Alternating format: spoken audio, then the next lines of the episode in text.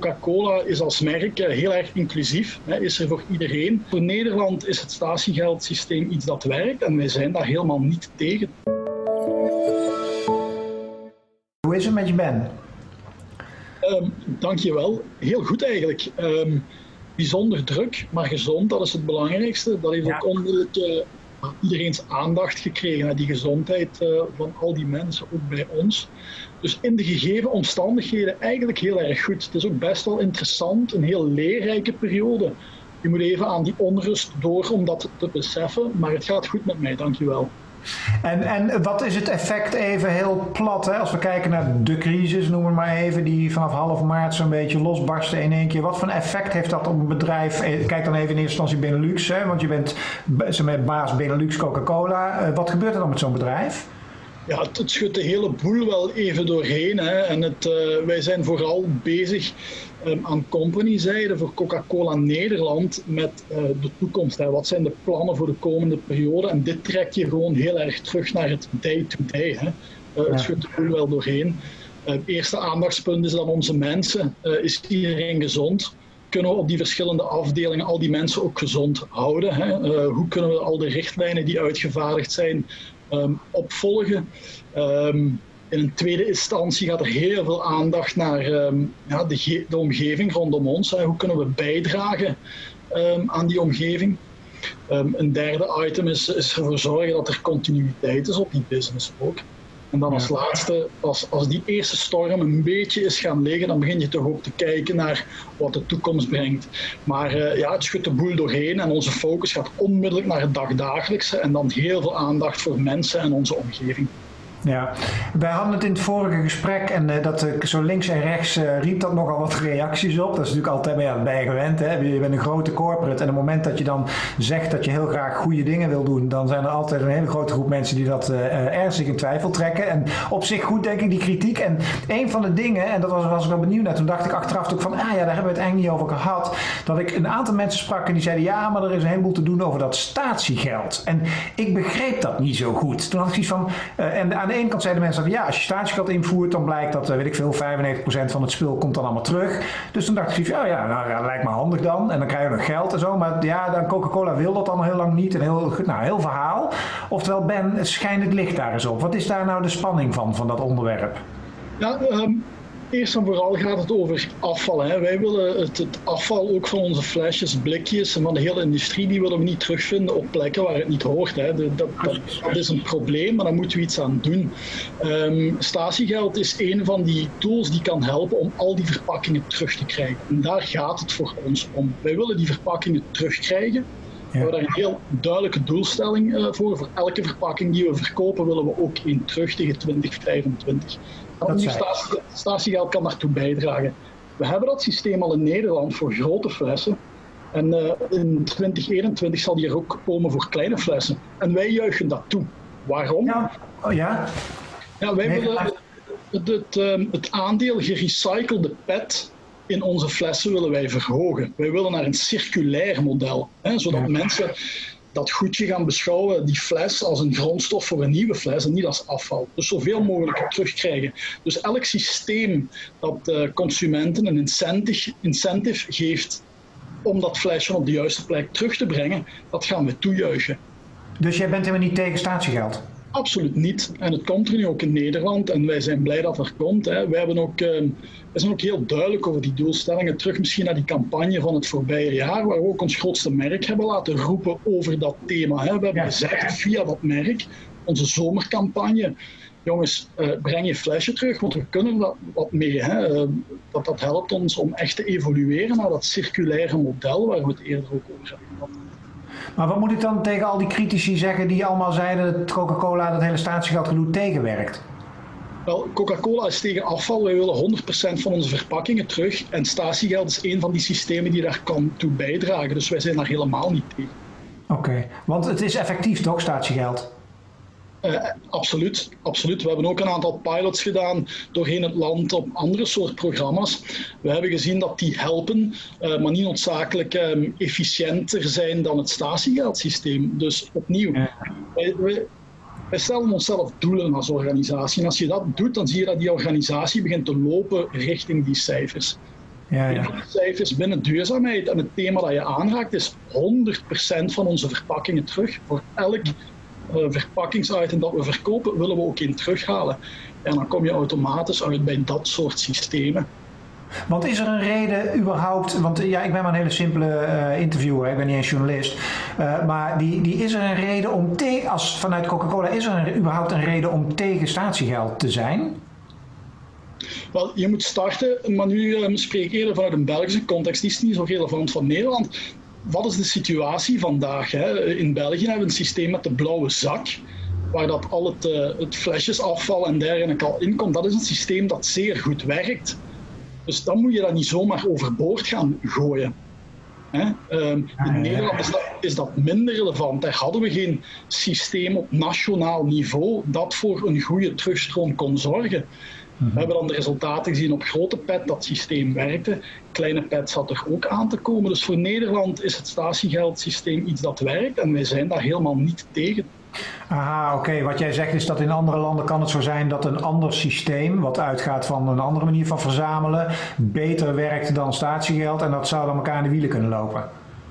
Ja, of complementair zijn of wat dan ook. Het hele punt is, we moeten um, bestaande systemen niet bij voorbaat gaan afschrijven. Als er een efficiënt systeem in een bepaalde markt is, dan moeten we kijken, als dat bijvoorbeeld zoals in België 85% van de verpakkingen terughaalt, dat is heel wat. Mhm. Dan moet de focus liggen op die bijkomende 15% en niet zomaar het hele systeem overboord gooien. Maar opnieuw, in Nederland is onze ambitie ook 100% terughalen. En statiegeld blijkt een efficiënt systeem te zijn. Dus Coca-Cola Nederland is helemaal niet tegen een dergelijk systeem. Hoe ver zijn we met de doelstellingen? Hoe gaat het? Um, het, uh, het, gaat heel erg goed. Hè. Eh, ruim de helft van onze verpakkingen die zijn al in uh, gerecycled PET. En we willen daarom ook in de komende periode die, die percentages alleen maar verhogen. Maar ook op andere duurzaamheidsthema's doen we het heel erg goed. Een ander thema dat wij vorige keer hebben aangeraakt is bijvoorbeeld suiker en suikerreductie. Ja. Hadden wij in het preventieakkoord uh, met de overheid afgesproken dat we tegen het einde van het jaar 2020 25% van onze suikers uit onze producten zouden halen. Dus een reductie van 25% als industrie. En we hebben net kunnen aankondigen dat we dat nu al bereikt hebben, dat punt. Dus als je kijkt naar de brede um, duurzaamheidsthema's, um, uh, dan doen we het eigenlijk best wel goed. Hmm. Hey, en het andere onderwerp waar ik ook erg nieuwsgierig naar ben, wat natuurlijk nu heel even uh, zeg maar, zeer actueel is, uh, dat is dat een, uh, en daar zijn jullie niet de enige in, een grote groep adverteerders zich expliciet, nou, laat ik zo zeggen, kritisch heeft opgesteld naar sociale netwerken zoals met name Facebook. En sterker nog gezegd heeft, wij gaan de komende wat is het, 30 dagen of zo, gaan we niet adverteren. Facebook loopt daar enorme omzetten mis. Wat vind je daarvan? Want het is niet jouw persoonlijke besluit, kan ik me zo voorstellen. Maar wat, wat vind jij van dat besluit? Ja, maar ik kan me er wel heel erg in vinden. Hè. De gebeurtenissen die we gezien hebben de voorbije weken, die raken iedereen. Hè. Zeker als vader van drie tienerzonen raakt je dat. Mhm. Um, dus ik kan me heel erg vinden in die beslissing. Coca-Cola is als merk eh, heel erg inclusief, hè, is er voor iedereen. En die waarden die trekken zich ook door in het bedrijf. Hè. Diversiteit, inclusiviteit, positivisme, dat is waarvoor we staan.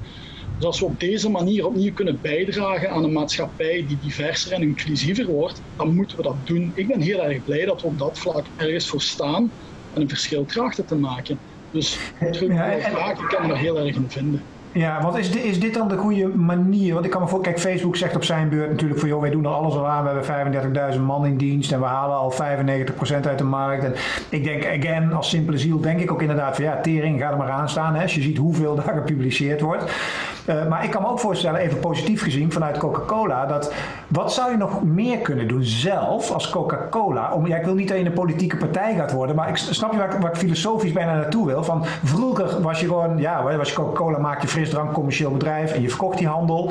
Maar vandaag de dag wordt een merk als jullie zo, is zo invloedrijk dat je natuurlijk veel meer kan doen vanuit je maatschappelijke rol of vanuit je visie en je geloof. Dus wat zou je hier nog meer mee kunnen doen? Ja. En ik denk uh, overigens dat we daar geen politieke positie mee innemen daardoor, door daar iets tegen te zeggen. Ik denk dat discriminatie het probleem is dat zich daar boven heft. En wij moeten daar inderdaad dus iets mee doen, wetende dat we een grote impact hebben en grote merken. Um, we kunnen veel meer doen. Laat dat duidelijk zijn. Dit is ook voor mijzelf en voor de rest van de organisatie opnieuw een beetje een, een wake-up call geweest om dat te gaan doen. Dus we zijn ons momenteel als bedrijf aan het verdiepen in wat we kunnen doen. Denk dan aan een verdiepingssessie rond unconscious bias, hè? Uh, onbewuste vooroordelen. Hoe laten we dat leiden? Bewustwording daar rond en trainingen om dat niet te doen. Anderzijds hebben we eerder deze week zelfs met uh, Shay Kruger en uh, een ander bedrijf even rond de tafel gezeten om te kijken hoe we ons beleid um, beter kunnen gaan afstemmen op, op die doelstelling van het drijven van diversiteit en inclusiviteit. Denk dan aan recrutering. Denk dan aan het ondersteunen van, van de maatschappelijke organisaties die hier een verschil proberen te maken. Um, in dat opzicht was het heel goed um, wat er gebeurde. Dat klinkt heel erg vreemd, maar was een beetje een wake-up call. En we hebben de koe bij de horens gevat en zijn nu bezig met een verdiepingsoefening om ook in Nederland op dat vlak een verschil te kunnen maken. Ja, want dat lijkt me nog best lastig, hè? want je bent zo'n global concern. En uh, de, de, thematiek is natuurlijk heel anders in, in een land als Amerika dan in Nederland of in Afrika. Of nou ja, ik bedoel, jullie zitten overal. Uh, hoe, hoe communiceert dat intern, zeg maar? Hoe doe jij dat? Um, wel, Eerst en vooral hebben wij een gesprek gehad met de hele organisatie die uitgaan van een soort erkenning dat het probleem er nog altijd is. En dat wij ook een rol hebben om daar een verschil in te maken. Dus dat is een gesprek geweest dat we gehad hebben met de hele organisatie op de verschillende uh, niveaus. En daarnaast, waar ik heel erg van hou, is zo'n dingen gebruiken om te vertalen in actie. We mogen niet blijven stilstaan bij die erkenning, die bewustwording. Maar zoals jij net aangaf, wat kunnen wij als groot bedrijf met grote merken uh, doen om een verschil te maken? En vandaar dat wij een aantal externe experten deze week aan onze tafel hebben uitgenodigd um, in onze vergaderzaal in Rotterdam. Hm. Om uh, te gaan kijken wat we kunnen doen. En opnieuw, dan raken we heel concrete elementen aan. Hè. Dan gaat het over recrutering. Hoe moeten we onze advertenties op een andere manier gaan schrijven? Ja. Uh, welke organisaties kunnen we gaan ondersteunen voor een doorstroom van uh, ja, naar, naar het juiste academische niveau. Hoe kunnen we onze merken gaan gebruiken om de juiste boodschap rond diversiteit uit te spreken? Hè? Vergeet niet, we hebben al onze Pride-campagnes, we hebben onze Ramadan-campagnes. Hoe kunnen we dat misschien meer doorgedreven en vaker gaan doen? Dus het, het concreet doorvertalen naar acties op alle mogelijke uh, terreinen binnen ons bedrijf. Daar moet dit soort dingen toe leiden en dat probeer ik samen met, met um, het managementteam te doen.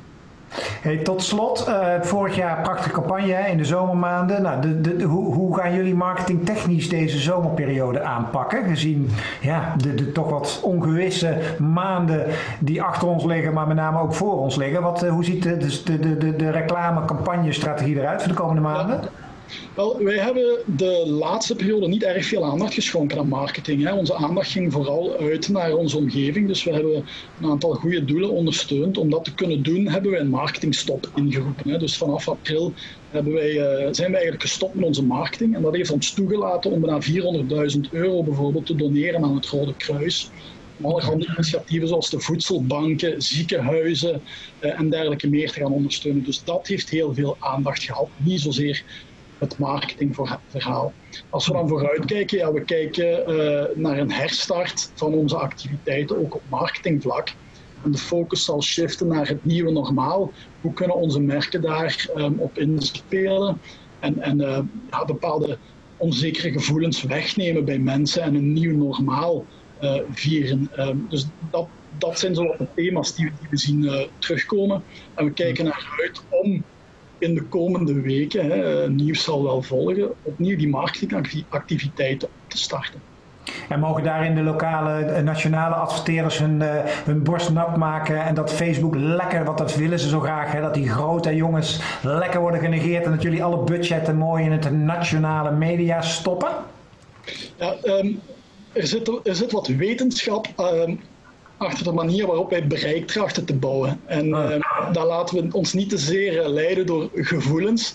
Hmm. Uh, maar het is zo, wat, wat Facebook betreft, is, uh, is zo dat we 30 dagen um, ons niet gaan laten horen op al die fora, ook andere sociale media. We gaan hmm. ondertussen in gesprek gaan met al die partners, kijken wat dat oplevert.